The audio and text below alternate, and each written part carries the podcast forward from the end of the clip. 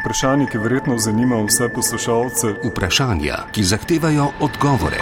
Kakšne zahteve so pred Kaj vi menite o tem? Kakšne okoliščine? Kako pa izbirate vi? Vroči mikrofon. Reutersov raziskovalni inštitut v sodelovanju z Univerzo v Oxfordu je v splošnih novinarskih trendih za leto 2023 napovedal, da se bo vedno več časopisov odločilo, da bo prekinilo tiskanje dnevnih edicij in se posvetilo zgolj posameznim izvodom ob koncih tedna ali pa se bodo v celoti preselili na splet. Vse to predvsem v luči visokih stroškov tiskanja in papirja, ter tudi zaradi vedno šipkejših distribucijskih mrež. Sklepamo lahko, da so torej razmere v Evropi podobne s tistimi v Sloveniji. Na kakšen način pa lahko tisku pomagajo države oziroma ali sploh imajo interes? V vročem mikrofonu, drugemu seriji Pritiski na tisk, izpostavljamo tri evropske države, Italijo, Avstrijo in Dansko, pogledamo, kaj si v trenutnih razmerah na tem področju misli Evropska unija in zakaj so razmere v Združenih državah Amerike povsem drugačne. Vroči mikrofon. Janko Petrovec, zdravo v Rim. Ja, lep dober dan. Po podatkih Reutersove raziskave o trendih v novinarstvu so tiskani mediji v Italiji doživeli največji padec kot vir informacij. Še pred devetimi leti so predstavljali 60-odstotni delež, leta 2022 so predstavljali samo 15 odstotkov. Dopisnik iz Rima Janko Petrovec poroča tudi, da se je italijanska naklada časopisov v zadnjem desetletju prepolovila. V Italiji opažamo tudi zaenkrat še precej slabo razširjenost naročnin na časopise v digitalnem formatu in na njihove spletne strani. Tu še naprej prevladuje miselnost, da mora biti internet zaston oziroma da zadostuje tista internetna informacija, ki ne stane nič. Drugi razlog je v nenavajenosti italijanov na naročanje časopisov. Največ ljudi časopis še vedno kupuje zjutraj v najbližji trafiki. Predvsem pa je večini italijanov poglavitni kanal dnevnega informiranja še naprej televizija. Oboje kaže pripisati predvsem visoki poprečni starosti italijanov, saj gre za najstarejši narod v Evropski uniji. Ampak, če pogledava številke, recimo časopisa z največjo naklado v državi sta Corriere della Sera in Republika, po izračunih statističnega inštituta specializiranega za raziskavo tiska, ki se imenuje ADS, je Corriere leta 13 prodal 416 tisoč izvodov, tako tiskanih in digitalnih, leta 20 pa samo še 210 tisoč vsega skupaj, Republika pa je padla z 375 tisoč izvodov leta 13 na vsega 161 tisoč leta 20. Manjši upad pri časopisih, ki nagovarjajo zelo specifično bravstvo, ki jim je zvesto, precej nizek upad v tem časovnem obdobju, zato recimo za katoliški avenire 107 tisoč pred desetimi leti na 89 tisoč leta 20 ali pa za levičarski manifesto s 13 tisoč 500 na 12 500. Italijanska vlada ima poseben oddelek za informativno dejavnost in založništvo. Ta vsako leto objavlja seznam časopisov upravičenih do neposredne javne podpore. Sklad je bil lani vreden 88 milijonov evrov, a se sredstva tudi povečujejo. Poglavitni kriteriji za te podpore so ali da je časopis v lastništvu zadruge novinarjev ali neprofitnih družb, ali pa da ga izdajajo v jeziku katere od manjšin, zlasti nacionalnih manjšin. Um, podpore izplačujejo v dveh obrokih letno za preteklo leto, v letu 2021, denimo, to so javni podatki. Največ sredstev iz tega naslova sta dobila manjšinski nemškojezični Dolomiten in katoliški teden, tedni, tednik Familija Kristjana, vsak po 6 milijonov milijonov evrov. Visoko na seznamu sta recimo desničarski dnevnik Libero in škofovski dnevnik Venire, sledi potem nekaj regionalnih dnevnikov in levičarski Il Manifesto. Z 1,7 milijona evrov pa lani tudi tržaški primorski dnevnik. Poleg primorskega dnevnika podporo prejemata še novi glas in novi Matajur. Poglavitni namen teh podpor je v zagotavljanju informacijske pluralnosti, pravice do informiranosti majhnih skupnosti ter pravice do svobodnega novinarskega izražanja. Največji dnevniki, ne, kot so Republika, Corriere della Sera ali pa finančni dnevnik Il Sole 24 ore, pa ne prijemajo neposrednih javnih podpor, obstaja za nje seveda posredna državna podpora. Naprimer v obliki popusta na nakup papirja, vendar pa ta ni odločilnega pomena za njihovo poslovanje. Je pa res, da se je skupni znesek pomoči tisku v letih epidemije močno okrepil, tudi zaradi izpada dobička potem, ko so v barih in kavanah recimo prenehali naročati časopise, ker jih ljudje pač niso smeli preprijemati iz rok v roke. V večino lokalov se časopisi še vedno niso vrnili, če sodi in po stanju v Rimu. No, poleg 88 milijonov, o katerih so govorili, pa za, za to država tisku pomagaš tudi na druge načine, recimo subvencijo nakupa časopisov v šolah. Uh, tako da skupni znesek neposrednih in posrednih podpor uh, je v letih epidemije narastel z prejšnjih 175 milijonov na, na zdajšnjih več kot 380 milijonov. Italija je kot največja neto dopisnica iz Evropskih skladov za okrevanje del teh sredstev namenila tudi tisku in založništvu. V tem primeru gre zlasti za spodbujanje digitalnih platform, tiskanih medijev ter za podporo pri usposabljanju za to potrebnega kadra in pri razvoju tehnologij. Posamezni založniki lahko iz tega naslova dobijo do 75 tisoč evrov. Poleg teh obstajajo še druge javne pomoči, ki niso sistemske sicer. Eh, prejšnja vlada je recimo v letu 2021 namenila tisku za 60 milijonov evrov pomoči namenjene distribuciji v manjših in težko dostopnih krajih, eh, za katero je dobila zeleno luč Evropsko, eh, Evropske unije, ampak kot rečeno šlo je samo za enkratno pomoč. Kar se tiče splošnega zaupanja novicam, je pri italijanskih medijih pri 35 odstotkih.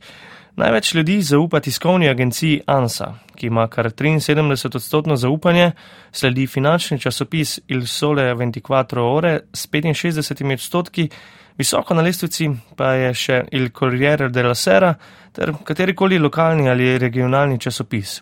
Kar je še specifično pri italijanski medijski krajini, pa je položaj novinarjev. V Italiji obstajata dve poglavitni kategoriji novinarjev. Ehm, na eni strani so tako imenovani profesionisti, na drugi strani so publičisti. Ne. Za oboje je potreben upis na poklicni seznam reda novinarjev. Ehm, to je usredno cehovsko združenje. Vsako leto organizira posebne izpite, s katerimi novinarji dobijo potrebno licenco, brez katere našega poklica ne bi mogli opravljati. In ko so enkrat na seznamu profesionistov, imajo precejšnje omejitve pri kakšnih drugih dejavnostih, ki ne bi bile novinarske. Je pa pri tem vse iz našega zornega kota zelo zanimivo, pa neobičajno, da italijanski sistem ne vidi nobenega posebnega problema pri prehajanju med novinarskim delom v ožjem pomenu besede in delom v, recimo, v uradih za stike z javnostjo. Jaz osebno poznam kar nekaj ljudi, ki so bili zaposleni pri tisku, potem pa so postali predstavniki za stike z javnostjo. Ministrov, premijejev, drugih politikov, ter se po koncu njihovega mandata brez težav vrnili eh, k prejšnjemu novinarskemu delu. Z našega zorega kota je seveda takšno prehajanje problematično, z italijanskega pa sploh ne. Vroči mikrofon. Avstrijski mediji, tiskani pa še bolj, so v zadnjem času pod posebnim pritiskom javnosti, predvsem zaradi afere, ki je odnesla tudi nekdanjega premijeja Sebastiana Kurca. Afero smo tudi podrobno raziskovali v enem izmed vročih mikrofonov, povezavo do oddaje najdete tudi v opisu današnje. Moje ime je Daniela Kraus, sem general secretary of the Press Club Concordia in Vienna. Daniela Kraus je generalna sekretarka Dunajskega novinarskega kluba Concordia, ki velja za najstarejši novinarski klub na svetu. Ustanovili so ga leta 1859. Zauzemajo se za medijsko svobodo in neodvisno novinarstvo. Avstrijski tisk se še vedno sooča z digitalizacijo in z izgubo oglaševalskega denarja, saj oglaševalci več vlagajo v družabna omrežja. Zdaj pa tudi z vedno višjimi cenami papirja. Vedno več ljudi pa, ker sicer ni novost, ampak vpliva na razmere, išče novice na spletu kjer pa za njih, podobno kot v Italiji, ne želijo plačati. Um,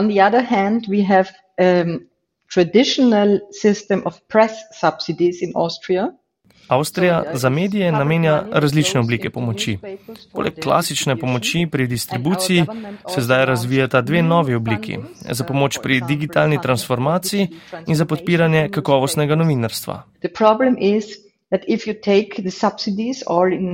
all that the yellow press gets much more money than the quality newspapers. Ob tem v klubu Concordia vidijo več težav. Najprej, več podpore bi moralo dobiti kakovostno novinarstvo in ne tabloidi, zato se zauzemajo za bolj stroge kriterije pri dodeljevanju pomoči. If you take together all the money that is given to newspapers uh, and to media houses, also TV and radio, from this source, it's more than 200 million euro per year. Soočajo pa se tudi s podobnimi težavami, kot jih poznamo v Sloveniji, ko država prek državnih podjetij oglašuje samo v določenih medijih. Daniela Kraus trdi, da bi morali na to gledati kot na posredno pomoč medijem, na katere lahko posledično s tem določena vrsta politike tudi vpliva. Daniela Kraus pravi, da je celotna vsota takšnih oglasov vredna več kot 200 milijonov evrov. But this uh, spreads out to become a problem for all of the media and for all of journalism because of course what are people thinking people are thinking that media per se is corrupt Problem, ki je nastal po aferi s Sebastianom Kurcem, Daniela Kraus vidi v tem, da je ta afera očrnila celotno avstrijsko medijsko krajino. Ljudje so zdaj prepričani, da so vsi mediji koruptivni. Afera je tako le še poglobila težave s kredibilnostjo medijev. Tiskani mediji so se sicer z digitalizacijo in razvojem novih načinov posredovanja novic soočili relativno pozno, predvsem zaradi tradicionalne pomoči države ter značilnosti avstrijskega časopisnega trga, ki sloni na naročninah. Te so začele padati šele v zadnjih letih. Poleg tega pa se avstrijski tiskani mediji spopadajo tudi z jezikovno konkurenco, nemški tiskani mediji, ki so finančno veliko močnejši in tudi vplivnejši, namenjajo veliko pozornosti tudi Avstriji. Austrian press has, has another challenge, and that is a huge market uh, with the same language, with Germany. Ena večjih težav na področju medijev v Avstriji pa je v tem, da oblast ne razume medijske politike. of, of, of country because um, Avstrijska politika namreč nima interesa, da bi medije okrepila kot demokratične institucije, ampak se politiki raje osredotočajo na to, kako bodo vplivali na vsebino določenega medija. Še posebej naj bi bilo to izrazito pri trenutni vladi pod vodstvom Avstrijske ljudske stranke, ki si po eni strani želi vplivati na vsebino, po drugi strani pa vse čas spodkopava kredibilnost medijev. Taking, on the one hand, influencing the media, on the other hand, undermining credibility. Pred avstrijskimi mediji je zato zelo težka prihodnost. Daniela Kraus pravi, da bodo morali narediti več v smeri, da bi bili čim manj odvisni od javnega denarja, saj se lahko s tem težave še podaljšajo. Print media has to be really careful not to become too dependent on public money. Vroči mikrofon. Danska je v določenem pogledu primerljiva s Slovenijo, ampak samo v določenem. Potem, da je prav tako jezikovno omejena na relativno malo število prebivalcev, v tem pogledu na 5 milijonov 800 tisoč. V vseh drugih pogledih, kar se tiče medijske krajine, se precej razlikuje od Slovenije. Po indeksu svobode medijev organizacije Novinari brez meja je visoko na drugem mestu. Zaupanje v medije pa je po raziskavi Reutersovega inštituta na 58 odstotkih. Vseeno razmere v medijih, še posebej v tiskanih, niso idealne. Novinarje so tudi odpuščali, česar se zaveda tudi država, zato medijem pomaga. Moj ime je Mons Blega Bjergor. Mogens Blicher Bjergort je dolgoletni sodelavec novinarskih organizacij na Danskem in v Evropi ter nasplošno velik poznavalec evropske medijske krajine.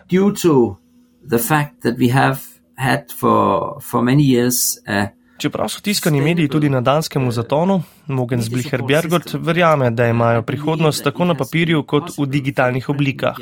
Tudi na Danskem so sicer tiskani mediji relativno pozno spoznali, da se morajo prilagoditi digitalizaciji, ampak ta trenutek je vseeno prišel. Media support system where newspaper was supported for this uh, to be distributed. Takrat je na Danskem obstajala podpora tiskanim medijem pri distribuciji. Če bi ostalo samo pri tem, to ne bi bilo trajnostno. Zato je Ministrstvo za kulturo vzpostavilo posebno komisijo, v kateri je sodeloval tudi Mogens Blicher Bjergort, da bi našli nove načine, kako pomagati medijem. Predvsem zato, da bi do pomoči bili upravičeni tudi spletni mediji.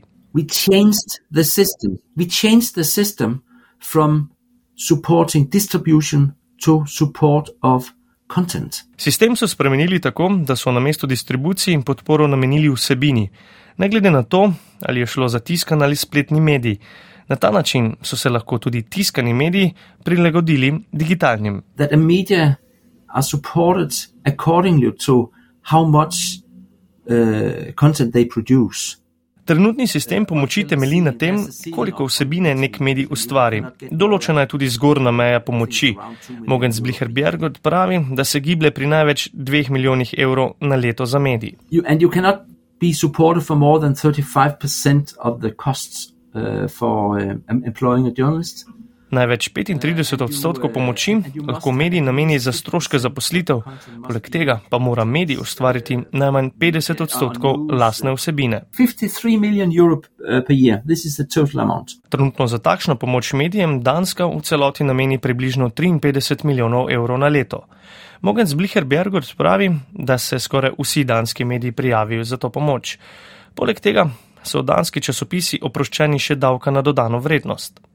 Danska je bila med drugim znana, da se je zelo specifično lotila tudi epidemije koronavirusa. Izpostavljali so transparentnost in zaupanje, kar smo preverili tudi v posebni reportaži na valu 202. Med epidemijo niso prepovedali časopisov v kavarnah in barih, časopisi ter samostojni novinari pa so celo prejeli dodatno podporo. Most newspapers in Denmark they are owned by Z večino evropskih držav se Danska razlikuje tudi v tem, da so lastniki tiskanih medijev v večini fondacije. Samo eden najstarejših časopisov, tudi nasploh na svetu, berlinske, ima lastnika, ki je profitno naravnan. Fondacije pa profit namenjajo za lasten razvoj. Uh, which, which means that you don't need to make profit to, uh, to, to businessmen. Na ta način je lažje ustvariti tudi sistem podpore medijem. Zato je v primeru drugih držav težko zgolj samo spremeniti podporni sistem. So pa lahko na Danskem v tem primeru vsaj zgled, kjer država razume, da mora medije podpirati, saj s tem podpira tudi demokracijo. Uh,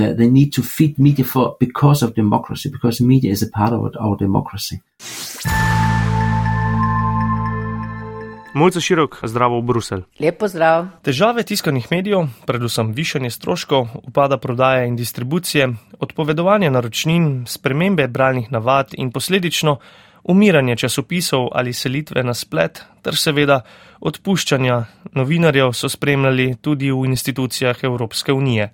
Kakor poroča dopisnica Mojca Širok, v Bruslju te težave vidijo predvsem v okviru zagotavljanja novinarske svobode in medijske neodvisnosti. Evropska komisija se je sicer doslej na široko izogibala zakonodajnim posegom na področju medijev. Bilo je preveč tvegano, kočljivo in politično občutljivo, Ampak je potem lani prišlo do preobrata in tukaj bom povedala, je imela nekaj pri tem tudi Slovenija. Namreč v Bruslju so ugotovili, da je v nekaterih članicah Evropske unije svoboda medijev, pojem, ki bi moral biti v demokraciji samoumeven, tako ogrožena, da jo je treba zakonsko zaščititi na ravni celotne 27 terice. In podpredsednica komisije Vera Jourova je takrat poudarila, da so jo tudi razmere v Sloveniji, predvsem dogajanje, ki je bilo povezano s financiranjem STA, eh, spodbudili k oblikovanju pravil za zaščito medijev, ki bi veljala po vsej Evropski uniji. Zdaj na kratko odgovora na dve vprašanji, kaj se bo s tem novim aktom spremenilo. Komisija bo proti državi, v kateri bo prišlo do zlorab, lahko sprožila postopek kršitve evropske zakonodaje in zato prej ni imela pravne podlage. In drugič, kateri so glavni povdarki uredbe, to, kar sem rekla na začetku, pač preprečiti umešavanje v uredniško neodvisnost in zaščititi neodvisnost uh, medijev. Zdaj pa še to, da sklenem, ne, če govorimo o tiskanih medijih, sta v tem aktu dve pomembni stvari. Prvič, poudarek na preglednosti medijskega lastništva in drugič na zaščiti novinarjev ne le pred političnimi, ampak tudi ekonomskimi eh, pritiski. Potem je tu še preprečevanje koncentracije lastništva, kar je ključno recimo, predvsem na področju tiskanih medijev. In tretja stvar pa preglednost državnega oglaševanja v medijih, se pravi tiskanih ali elektronskih, odpraviti tveganja, da bi država s tem denarjem, s katerim razpolaga za oglaševanje, izsiljevala medije in celo pogojevala njihovo pisanje. Akt o svobodi medijev je uporaben zakonski okvir in politično pomembno stališče ampak ko smo pri neposrednji finančni pomoči, se znajdemo na spolskem terenu, saj gre za evropski notranji trg, kjer veljajo poštena konkurenca in enaki pogoji za vse. V Bruslju podpirajo vse predloge nekega celovitega sistema, po katerem bi vse države lahko imele čim nižji davek na časopise in so bolj kot neposrednim subvencijam naklonjeni pač davčnim olajšavam. Kar se pa res čiste finančne podpore tisku iz proračuna Evropske unije tiče, pa je ta omejena na posamezne projekte in še posebej na tiste, ki so tako ali drugače povezani z delovanjem unije, naprimer informiranje o kohezijski politiki, pomoč preiskovalnim novinarjem ali recimo podatkovnemu novinarstvu. Naprimer, če se več časopisov odloči za skupen projekt, za poglobljeno obravnavo neke specifične evropske teme, lahko za to dobi tudi direktno evropski denar. Katere so pa torej te bruselske vreče oziroma evropski programi, odkuder lahko potem tisk dobi denar? Mislim, da je v glavnem ena in za to sedemletno obdobje 2021-2027, se veš, da gre v njih vse denar na sedemletke, so vse dejavnosti nadzora in ocenjevanja tveganja za medijsko svobodo in pluralizem vključene v program Ustvarjalna Evropa, Creative Europe. In zato je v tem obdobju namenjenih 75 milijonov evrov. In v Sloveniji je vstopna točka za vse, ki bi želeli sodelovati v ustvarjalni Evropi, Centar ustvarjalna Evropa Slovenija in njegove dejavnosti izvaja zavod Motovila. Uh, v naslednjih mesecih so sicer še napovedali v Bruslju, bodo zagnali tudi platformo, nek zemljevid, recimo spet nek nov organigram, kjer bodo zbrane vse možnosti financiranja medijskih organizacij. In če govoriva še o teh inovativnih medijskih aplikacijah, ker je to danes verjetno ne, ob težavah tiskanih časopisov zelo prisotno. No, za njih pa prihaja podpora iz programa Obzorje Evropa, Horizon Europe. Vroči mikrofon.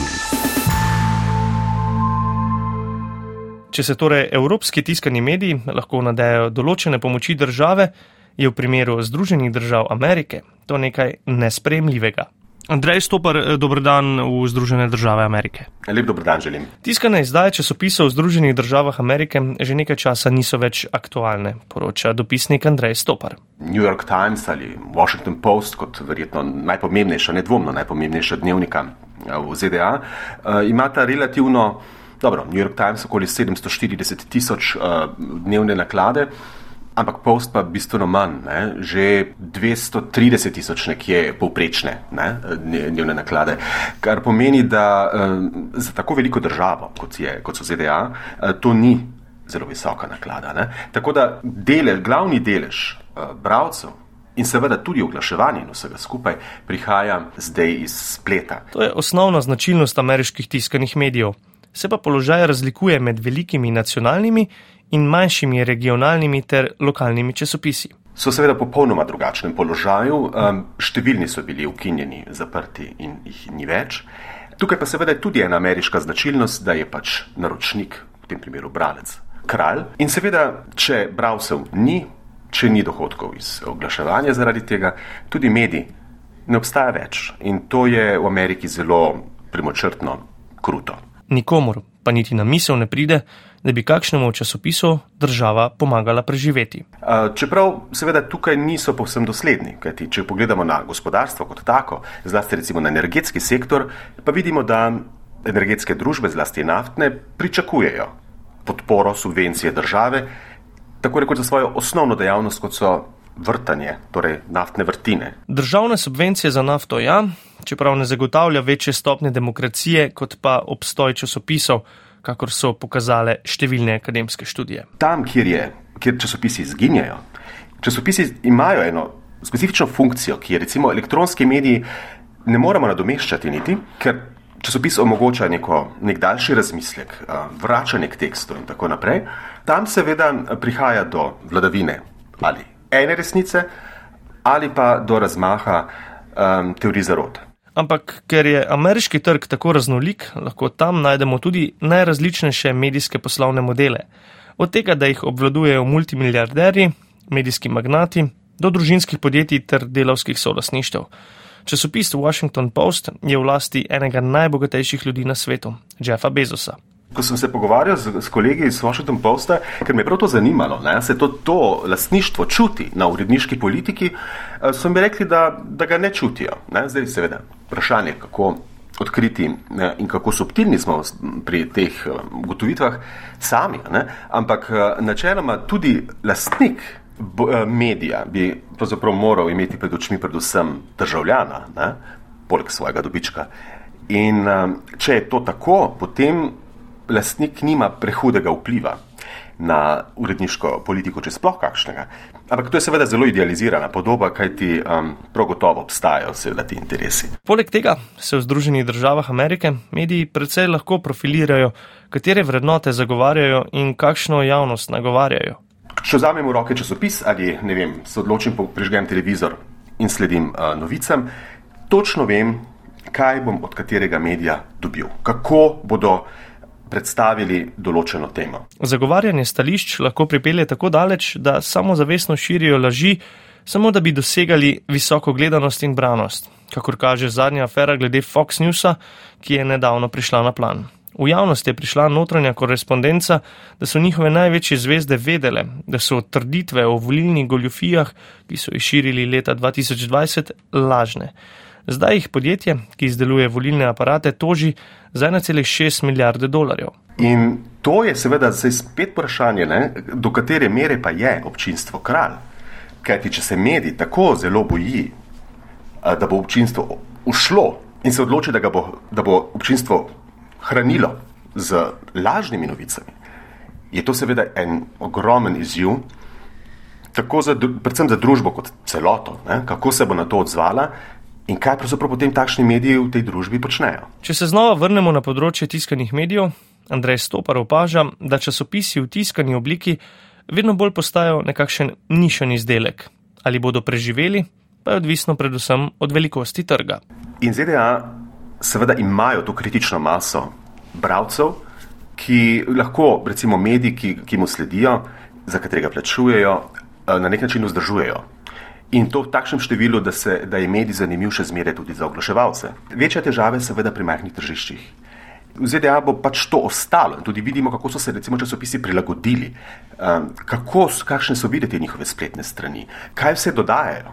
Zdaj imajo vsi podcaste, um, žive prenose, recimo, ko se nekaj dogaja, um, tudi prenose sliko, torej tudi časopisi. Kar pomeni, da so poskušali nekako vstopiti v neko vlogo neke dvoživke ali več živk z namenom seveda pridobiti in zadržati to občinstvo. Vprašanja, ki zahtevajo odgovore. Vroči mikrofon. Da se bodo časopisi morali povsem prilagoditi digitalni uporabi, ni nobena skrivnost, niti novost. Raziskava Reutersovega inštituta, ki smo jo v vročem mikrofonu večkrat omenili, napoveduje, da se bodo časopisi zdaj posvetili predvsem k še večjemu približevanju občinstvu in k spodbujanju sklenitvi digitalnih naročnin. Ker se zavedajo, da bodo samo tako lahko preživeli, oglaševanje v časopisih kot vir financiranja bo postalo drugotnega pomena. A vseeno, kot smo lahko videli, se medijske krajine izjemno razlikujejo. Po kateri poti pa bodo šli slovenski tiskani mediji, bomo lahko izvedeli kaj k malu. Vroči mikrofon. Jaz sem Gašper Andrinek. V naslednjem vročem mikrofonu serije Pritisk na tisk pa se bo Tatjana Pirc pogovarjala z zaposlenimi v slovenskih tiskanih medijih. Vroči mikrofon poiščite na val202.si in v vseh aplikacijah za podkaste.